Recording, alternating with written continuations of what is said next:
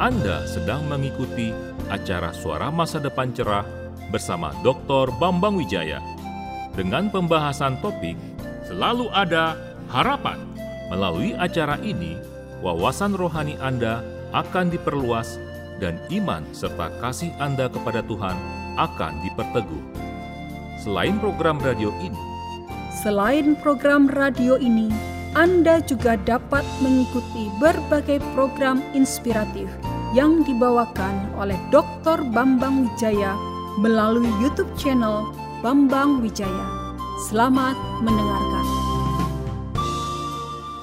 Saudara-saudari, satu pertanyaan penting yang perlu saudara renungkan, yaitu apakah Yesus seorang pembohong, seorang yang tidak waras, atau Tuhan?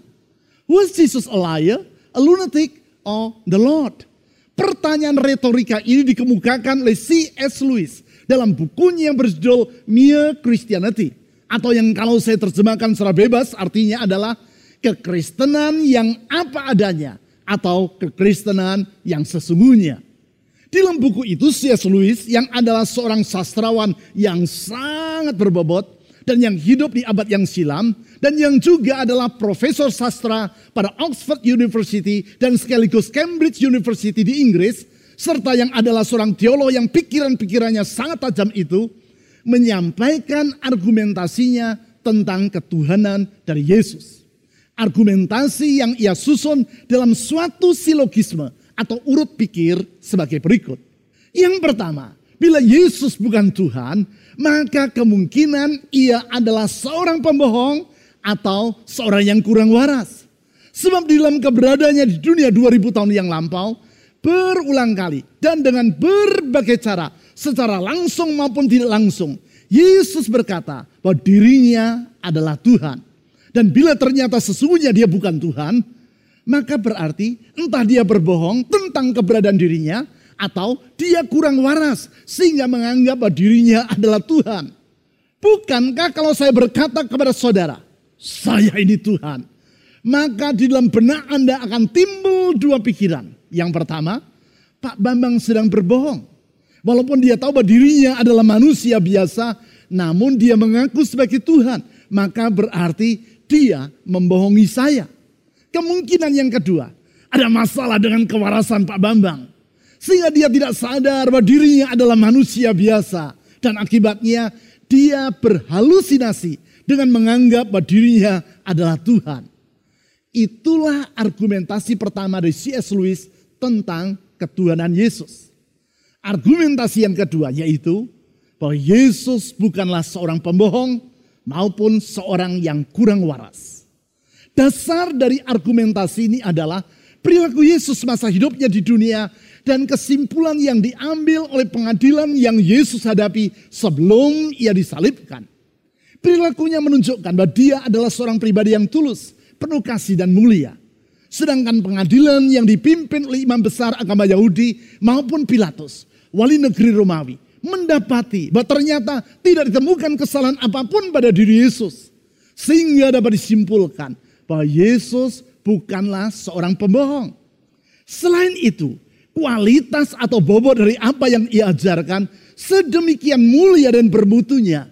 Sehingga tidaklah mungkin bahwa Yesus adalah seorang yang kurang waras. Dengan demikian, argumentasi yang kedua ini, yaitu bahwa Yesus bukanlah seorang pembohong maupun seorang yang tidak waras, telah mementahkan argumentasi yang pertama tadi. Sekarang, yang ketiga. Berarti sebagai kesimpulan, maka Yesus adalah Tuhan. Karena ia bukan seorang pembohong dan bukan seorang yang kurang waras, maka pernyataan dirinya, yaitu bahwa dia adalah Tuhan, merupakan suatu pernyataan yang dapat dipertanggungjawabkan dan patut untuk dipercaya. Singkat kata, berdasarkan silogisme tadi dapat disimpulkan bahwa Yesus adalah sungguh-sungguh Tuhan. Tentang keberadaan Yesus sebagai Tuhan, yaitu sang penguasa alam semesta dan raja di atas segala raja ini, juga diutarakan oleh Nabi Yesaya. Antara lain di dalam nubuatan yang ia sampaikan dan dicatat di dalam Yesaya pasal 9 ayat 5. Nubuatan tersebut disampaikan dengan latar belakang keadaan umat Allah yaitu bangsa Yehuda 2700 tahun yang lampau yang sedang menghadapi masa yang sukar.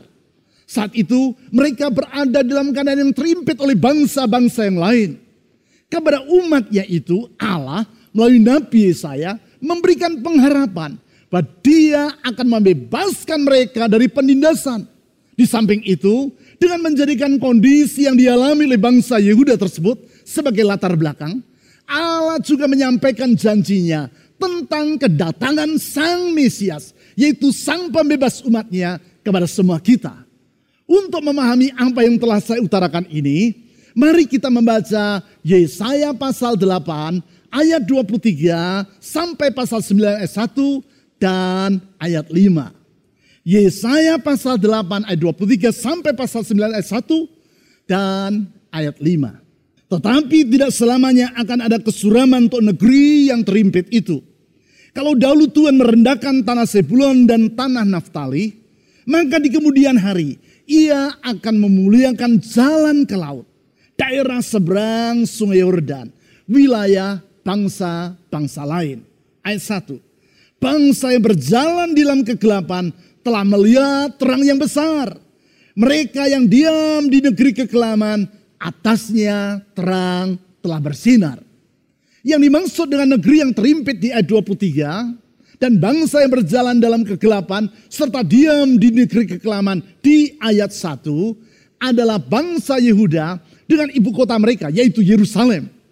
Saat itu umat Allah ini berada di dalam keadaan terimpit oleh desakan kerajaan Aram dan Israel yang beribu kota di Samaria serta kerajaan Asyur. Ditambah lagi di saat yang sama kekuatan kerajaan Babel yang jauh di utara semakin bertambah besar dan mulai mengancam negeri Yehuda. Itu sebabnya di ayat 23 disebut bahwa bangsa Yehuda sedang berada dalam keadaan yang terimpit, berjalan di dalam kegelapan, serta diam di negeri kekelaman. Artinya, impitan dari negara-negara tadi mengakibatkan bangsa Yehuda tidak memiliki pengharapan akan hari esok mereka. Di dalam situasi yang seperti itu, Allah berjanji bahwa tidak selamanya akan ada kesuraman untuk umatnya. Ia berjanji bahwa umatnya akan melihat terang yang besar dan atasnya terang telah bersinar. Dengan kata lain kepada mereka yang berada dalam keadaan terdesak setelah hidup tanpa pengharapan tersebut, Allah berkata, selalu ada harapan. Walaupun secara manusiawi tidak ada jalan keluar bagi mereka, tetapi Tuhan berkata, bahwa di dalam dia ada harapan di tengah kemustahilan. Pesan ini bersifat sangat aktual untuk kita yang hidup di masa kini. Karena merupakan suatu realitas. Pada waktu-waktu yang terakhir ini, tidak sedikit orang yang hidup dalam keadaan terdesak. Mereka terdesak oleh keadaan ekonomi yang sangat sukar, terdesak oleh keadaan yang menghambat cita-cita tentang masa depannya, terdesak oleh keadaan relasi rumah tangga yang tidak harmonis, terdesak oleh kelemahan jasmani dikarenakan sakit yang ia derita. Bukan itu saja. Di dalam keadaan terimpit oleh kesukaran tersebut, mereka merasa tidak berdaya dan tidak melihat adanya jalan keluar dari kesulitan yang mereka alami.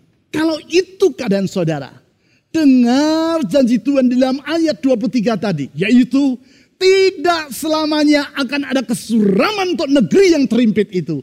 Saya ulang janji Tuhan tersebut, yaitu tidak selamanya akan ada kesuraman untuk negeri yang terimpit itu. Artinya, di dalam Tuhan selalu ada harapan. Mengapa dalam dia selalu ada harapan? Di ayat 5 Allah menyampaikan alasannya. Alasan tersebut adalah Sebab seorang anak telah lahir untuk kita. Seorang putra telah diberikan untuk kita. Lambang pemerintahan ada di atas bahunya. Dan namanya disebutkan orang penasihat ajaib, Allah yang perkasa, Bapa yang kekal, Raja damai. Di ayat ini Allah melalui Nabi Yesaya menyampaikan nubuatan tentang kelahiran dari Sang Mesias. Sebagaimana yang telah saya jelaskan minggu yang lalu, Kata Mesias ini dalam bahasa Ibrani adalah Hamasiah atau dalam bahasa Yunani yaitu Kristus dan diterjemahkan ke dalam bahasa Indonesia menjadi Kristus. Itulah pribadi yang diurapi untuk membebaskan dan menyelamatkan umat Tuhan. Oleh karena itu, yang dimaksudkan dengan anak yang telah lahir untuk kita. Seorang putra telah diberikan untuk kita di ayat 5 ini adalah Sang Mesias atau Kristus tersebut. Tentang Mesias ini di dalam Matius pasal 4 ayat 13 sampai 16 dijelaskan. Penubuatan dalam Yesaya pasal 9 tadi telah digenapi di dalam diri Yesus Kristus. Hal tersebut merupakan penegasan terhadap pesan yang disampaikan malaikat Gabriel kepada Yusuf, tunangan Maria yang sedang mengandung bayi Yesus. Pesan yang disampaikan melalui mimpi dan dicatat dalam Matius pasal 1 ayat 22 sampai 23.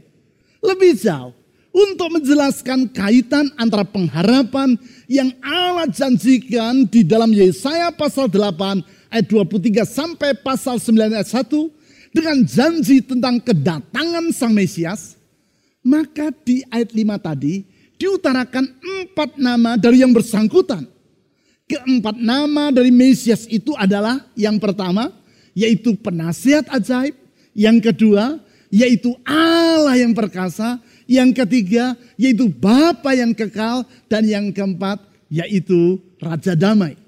Minggu yang lalu berdasarkan namanya yang pertama yaitu penasihat ajaib, kita telah mempelajari siapakah Yesus Sang Mesias dan mengapa ia dilahirkan di dunia. Hari ini kita lanjutkan telah kita dengan melihat namanya yang kedua, yaitu bahwa dia adalah Allah yang perkasa.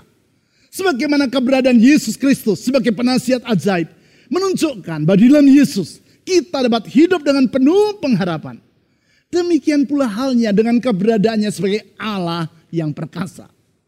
Berdasarkan nama ini, setidaknya terdapat tiga alasan yang dapat kita simpulkan tentang mengapa kita dapat tetap hidup di dalam pengharapan. Ketiga alasan tersebut adalah yang pertama, karena Kristus adalah pribadi yang kuasanya tidak terbatas. Saya ulang, yang pertama, karena Kristus adalah pribadi yang kuasanya tidak terbatas.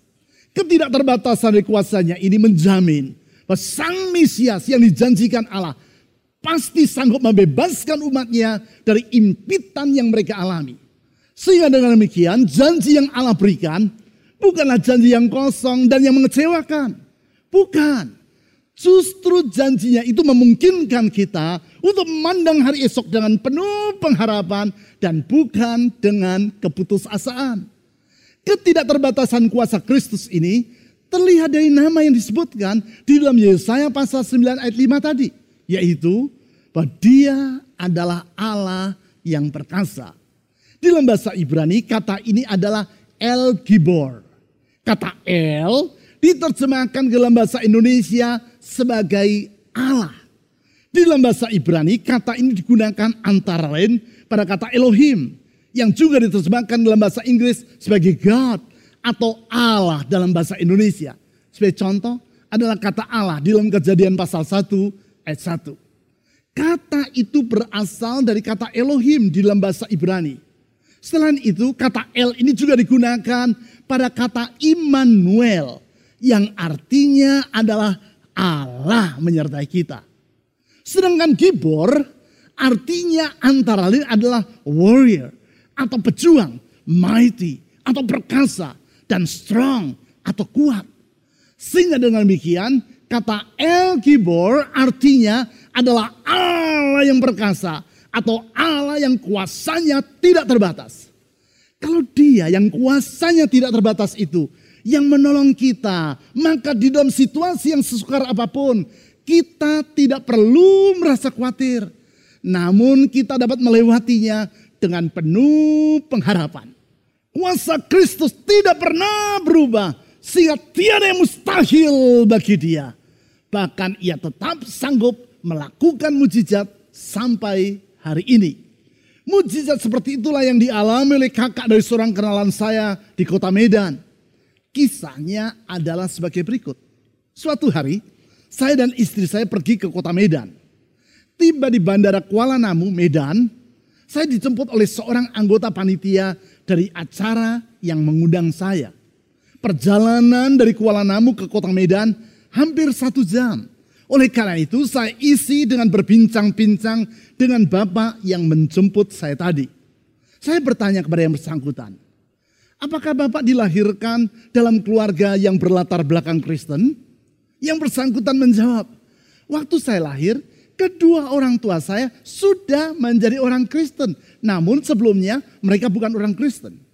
Lalu ia bercerita bagaimana kedua orang tuanya tersebut dapat menjadi pengikut Kristus. Hal itu dimulai dari sakit leukemia yang diderita oleh kakaknya yang sulung. Saat itu kakak perempuannya ini sudah berusia 16 tahun. Leukemia yang ia derita sudah sangat berat. Sehingga penglihatannya mulai menjadi kabur. Suatu siang, sementara sang kakak ini berada seorang diri di dalam kamar di rumah sakit metodis Medan, tempat ia dirawat, seseorang masuk ke dalam kamarnya. Orang ini memperkenalkan dirinya sebagai seorang pendeta. Kemudian yang bersangkutan berkata, kalau kamu percaya kepada Yesus, maka kamu akan sembuh. Karena sama sekali bukan berlatar belakang Kristen, maka kakak dari anggota panitia tadi bertanya, siapakah Yesus itu? Sambil menunjuk pada salib yang tergantung pada dinding kamar tempat sang kakak dirawat, orang itu berkata, itu dia yang digantung pada salib itu. Sang kakak dengan matanya yang kabur secara samar-samar melihat salib yang tergantung pada dinding kamarnya. Kemudian pendeta itu mendoakan yang bersangkutan dan lalu pergi. Tidak lama kemudian ibunya tiba di rumah sakit. Kepada sang ibu, kakak perempuan dari bapak ini menceritakan apa yang telah terjadi. Yaitu apa yang dikatakan dan yang dilakukan oleh pendeta tadi. Sang ibu di dalam kepolosannya segera berlutut di hadapan salib itu dan berkata, kalau engkau dapat menyembuhkan anakku, aku berjanji akan mengikut engkau. Malam harinya, sang kakak menceritakan peristiwa tersebut kepada ayahnya yang datang ke rumah sakit. Kembali, kedua orang tuanya, sang ayah dan ibu berlutut di lantai dan membuat ikrar, kalau engkau dapat menyembuhkan anakku, aku berjanji akan mengikut engkau. Namun hari itu tidak terjadi apa-apa. Dan pendeta tadi tidak pernah mengunjungi lagi kakak dari kenalan saya itu. Seminggu kemudian tanpa diduga secara mendadak dan bukan secara berangsur-angsur sang kakak dapat melihat keadaan di sekitarnya dengan jelas. Singkat cerita, berdasarkan pemeriksaan dokter didapati bahwa sang kakak sulung ini dalam keadaan sembuh total. Baik dalam hal mata yang kabur maupun penyakit leukemia yang ia derita. Oleh karena itu, sesuai dengan janji mereka, kedua orang tua dari kenalan saya tadi, bahkan seluruh keluarga mereka menyerahkan diri menjadi pengikut Kristus dan menjadi anggota dari sebuah gereja yang berada dekat rumah mereka. Mendengar kesaksian tadi, saya bertanya, sekarang bagaimana dengan keadaan dari kakak perempuan Bapak? Kenalan saya tadi Pak Yusuf namanya menjawab. Sekarang sudah lebih dari 50 tahun berlalu. Kakak perempuan saya tadi sudah berusia hampir 70 tahun. Ia tetap dalam keadaan sehat. Penyakit leukemianya tidak pernah kambuh. Dan ia sudah mempunyai tiga orang anak serta delapan orang cucu. Itulah Tuhan. Itulah Yesus yang kuasanya tidak terbatas. Bukan saja 2000 tahun yang lampau yang sanggup melakukan berbagai mujizat. Sampai hari ini ia tetap melakukan hal yang sama. Oleh karena itu ada pengharapan dalam Yesus. Karena dia adalah Allah yang perkasa. Selanjutnya alasan yang kedua. Kita dapat tetap hidup dalam pengharapan. Karena Kristus adalah pribadi yang penuh dengan rahmat. Saya ulang, alasan yang kedua. Karena Kristus adalah pribadi yang penuh dengan rahmat. Rahmat atau belas kasihan dari Sang Mesias atau Kristus ini menyebabkan kita mampu hidup dengan penuh pengharapan dan bukan dengan keputusasaan. Karena kita sadar bahwa dalam hidup ini kita tidak berjalan seorang diri. Namun Allah yang perkasa dan penuh dengan rahmat itu menyertai kita. Tentang rahmat ini, kalau kita membaca ayat 5, di sana kita akan melihat bahwa sesungguhnya tidak ada satu alasan apa pun sehingga Sang Mesias atau Kristus bersedia menolong kita. Demikian pula halnya kalau Allah bersedia memberi pengharapan kepada bangsa Yehuda seperti yang tertulis di dalam Yesaya pasal 8 ayat 23 sampai pasal 9 ayat 1. Di ayat-ayat tersebut tidak diutarakan alasan mengapa Allah menjanjikan pengharapan kepada mereka. Sehingga dapat disimpulkan bahwa kalau Allah bersedia menolong umatnya, Hal itu adalah karena dia penuh dengan belas kasihan kepada mereka yang menderita. Belas kasihan atau compassion atau rahmat inilah yang dapat kita lihat dalam diri Yesus Kristus. Sebagaimana yang dicatat di dalam keempat kitab Injil. Di situ berulang-ulang ditulis bahwa setiap kali melihat orang yang menderita, hati Yesus digerakkan oleh belas kasihan melihat 4000 orang yang mengikuti dia untuk mendengar apa yang ia ajarkan dalam keadaan lapar. Maka dalam Matius pasal 15 ayat 32 dicatat bahwa hati Yesus tergerak oleh belas kasihan. Untuk itu ia melakukan mujizat. Dilipat gandakannya tujuh roti serta beberapa ikan kecil. Dan diberinya mereka semua makan sampai kenyang. Melihat dua orang buta di kota Yeriko yang berseru memohon belas kasihannya di dalam Matius pasal 20 ayat 34 dicatat. Maka tergeraklah hati Yesus oleh belas kasihan. Lalu dengan kuasa yang tidak terbatas, ia melakukan mujizat di jamahnya mata mereka. Dan seketika itu juga mereka dapat melihat. Berjumpa dengan seorang yang sakit kusta dan yang memohon bantuannya. Di dalam Markus pasal 1 ayat 41 ditulis. Maka tergeraklah hati Yesus oleh belas kasihan. Lalu diulurkan tangannya untuk menjamah orang kusta itu. Dan seketika itu juga lenyaplah penyakit kusta orang itu. Dan ia menjadi tahir. Ketika Yesus berjalan ke kota Nain. Ia berjumpa dengan rombongan yang sedang mengusung jenazah seorang anak muda untuk dikuburkan. Anak muda yang adalah anak tunggal dari seorang ibu yang sudah janda. Di dalam Lukas pasal 7 ayat 13 ditulis, ketika melihat janda itu, maka tergeraklah hati Yesus oleh belas kasihan. Ia pun menghampiri usungan yang berisi jenazah dari sang anak muda. Disentuhnya usungan itu dan dibangkitkannya anak muda tersebut dari kematian. Semua peristiwa ini menunjukkan bahwasanya sebagai Allah yang perkasa, bukan hanya kuasa Yesus bersifat tidak terbatas, tetapi juga dia adalah pribadi yang penuh dengan rahmat atau belas kasihan. Setiap kali ia bertindak dengan kuasa yang tidak terbatas, hal itu adalah karena hatinya digerakkan oleh belas kasihan. Bukankah ini yang membedakan antara Kristus dengan manusia pada umumnya? Kebanyakan orang walaupun mampu, namun mereka tidak mau menolong orang lain yang sedang menderita. Karena seperti yang saya utarakan minggu yang lalu, mereka memegang prinsip EGP alias emangnya gue pikirin. Mereka tidak berbuat apa-apa untuk menolong orang lain yang menderita. Walaupun sebenarnya mereka sanggup untuk melakukannya. Tetapi tidak demikian halnya dengan Yesus. Sebagai Allah yang perkasa, ia bukan saja mampu untuk menolong mereka yang menderita. Namun dengan rahmat yang besar, ia juga mau menolong mereka. Sehingga dengan demikian, di dalam segala keadaan, kita tidak perlu berputus asa. Karena di dalam Yesus sesungguhnya tetap ada pengharapan. Sekarang alasan yang ketiga, bahwa kita dapat tetap hidup dalam pengharapan. Karena Kristus adalah pribadi yang penuh dengan anugerah. Saya ulang, yang ketiga, kita tetap dapat hidup dalam pengharapan karena Kristus adalah pribadi yang penuh dengan anugerah. Anugerah artinya adalah kebaikan Allah yang sangat besar yang kita terima. Bukan karena kita berhak atau layak untuk mengalaminya. Beberapa kali saya memberikan contoh mengenai anugerah ini dengan menceritakan tentang seorang pegawai yang suka membolos, datang ke tempat kerja selalu terlambat dan pulang selalu sebelum waktunya.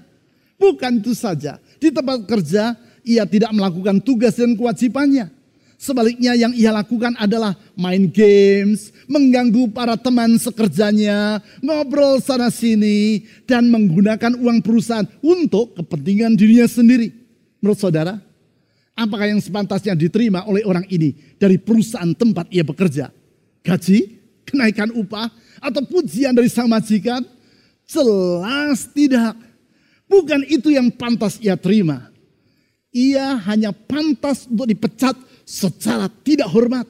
Namun alih-alih dari dipecat, justru sang majikan memanggil orang itu dan berkata, saya tahu engkau adalah seorang pegawai yang malas, tidak bertanggung jawab, dan mengorupsi waktu maupun uang perusahaan. Tetapi saya memaafkan dirimu dan saya menaikkan gajimu. Pantaskah orang itu menerima kebaikan dari majikannya tadi? Tidak. Ia tidak pantas menerimanya. Itulah yang disebut sebagai anugerah. Kalau ia menerima kebaikan dari majikannya, hal itu bukan karena ia pantas dan bukan karena ia berhak, tetapi karena kemurahan hati atau anugerah dari sang majikan. Demikian pula kalau Allah yang perkasa rela lahir sebagai seorang manusia seperti yang disebut di ayat 5 yaitu dengan tujuan untuk membebaskan umat manusia dari impitan kehidupan yang mereka alami. Hal tersebut semata-mata adalah karena anugerahnya. Anugerah sebab Yesus lahir di dunia bukan untuk menyelamatkan manusia yang pantas menerima kebaikannya. Bukan. Ia lahir untuk menyelamatkan manusia yang seharusnya binasa oleh karena dosa-dosa mereka Itulah anugerah yang melampaui batas akal kita untuk mencernanya. Anugerah Allah yang ajaib itulah yang memampukan kita untuk tetap hidup di dalam pengharapan di segala keadaan. Kalau saudara menyadari pentingnya anugerah dari Allah yang perkasa di dalam Yesus Kristus bagi hidupmu, utarakanlah keyakinan Anda itu pada kolom komen YouTube channel yang sedang saudara ikuti ini dengan menulis kalimat, di dalam Yesus Kristus, Allah yang perkasa, aku dapat tetap hidup di dalam pengharapan. Atau kalimat lain yang mengutarakan keyakinan saudara pada dalam Yesus ada pengharapan di tengah kemustahilan. Ya, kelahiran Yesus Sang Mesias merupakan penggenapan dari nubuatan tentang Sang Allah yang perkasa. Yaitu sebagaimana yang dijanjikan di dalam Yesaya pasal 9 ayat 5. Dia adalah Allah yang perkasa, yang kuasanya tidak terbatas, yang limpah dengan rahmat serta anugerah. Kehidupannya di dunia 2000 tahun yang lampau membuktikan semua itu. Keberadaannya dalam kandungan Maria yang terjadi secara ajaib dan kebangkitannya dari kematian membuktikan kuasanya yang tidak terbatas kesediaannya untuk lahir sebagai seorang manusia dan kerelaannya untuk berkorban sampai mati di kayu salib membuktikan rahmat dan anugerahnya yang ajaib. Bila 2000 tahun yang lampau dengan kuasa rahmat dan anugerahnya Yesus mampu dan mau menolong orang yang terimpit oleh kesukaran dan membebaskan mereka dengan mujizatnya. Dengar, hari ini ia tetap sanggup dan bersedia untuk melakukan yang sama. Hal itu adalah karena kuasa, rahmat, dan anugerahnya tidak pernah berubah untuk selama-lamanya. Kalau 2000 tahun yang lampau, ia memberikan pengharapan bagi mereka yang hidup dalam keputusasaan. Hari ini, ia tetap memberikan pengharapan yang sama bagi semua kita. Kuasa, rahmat dan anugerah Allah yang memungkinkan kita untuk hidup dalam pengharapan di tengah kemustahilan itulah yang saya alami dalam hidup saya. Kalau empat tahun yang silam, saya mengalami stroke yang hampir saja merenggut nyawa saya. Dan sekarang, kalau saya dapat melayani Tuhan seperti hari ini, tidak bisa tidak. Semua itu adalah karena kuasa, rahmat, dan anugerah Allah dalam Yesus Kristus. Empat tahun yang lampau, segera sesudah saya mengalami stroke. Berdasarkan pemeriksaan secara berulang-ulang atas kondisi penyumbatan pada pembuluh darah di otak saya. Para dokter ahli syaraf di Indonesia, di Singapura, maupun dokter kepala bagian bedah syaraf di Rumah Sakit Atlanta di Amerika Serikat berkata, tidak ada apa pun yang dapat dilakukan untuk mengatasi keadaan saya. Artinya, secara medis, sesungguhnya tidak ada harapan bagi saya untuk mengalami pemulihan. Memang secara medis apa yang mereka katakan adalah benar. Karena memang mereka semua adalah dokter-dokter ahli syaraf. Tetapi saya bersyukur kuasa rahmat dan anugerah Allah melampaui keterbatasan manusia. Sehingga bila hari ini saya dapat berdiri dan menguraikan firman Tuhan bagi saudara. Semua itu membuktikan bahwa kasih Allah dalam Yesus Kristus tidak mengecewakan orang yang berharap kepadanya. Sungguh tetap ada pengharapan di dalam dia. Bahkan pengharapan di tengah kemustahilan.